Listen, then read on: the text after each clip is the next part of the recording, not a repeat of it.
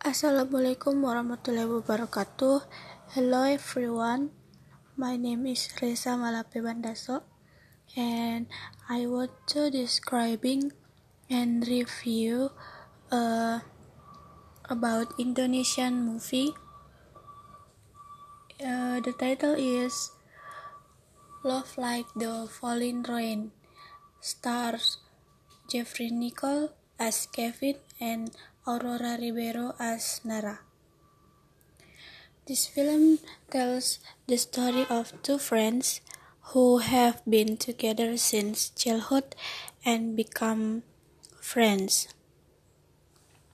And when they were in high school, Kevin realized that he had liked Nara for a long time but she didn't tell her because he thought it was because they were just friends. And Nara had changed her boyfriend many times because she quickly fell in fell in love and she broke up because she didn't feel right with her ex. Whereas Kevin had never once dating because Nara, she liked and loved Nara so much and they they were in the same college, same campus. Nara loves dancing and she joined a club for dance and Kevin is the leader of group uh, Love uh, Natural Loves.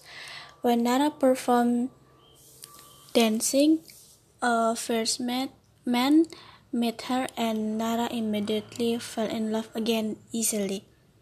Kevin could not help knowing they were dating. When Nara had found a man who was serious seriously with her, but fate said the otherwise. That man was named Junet, and he died. He died while he was climbing a cliff.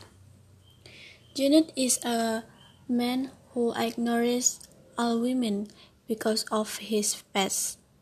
After Junet's death, Nara locked herself up for days and didn't go to college.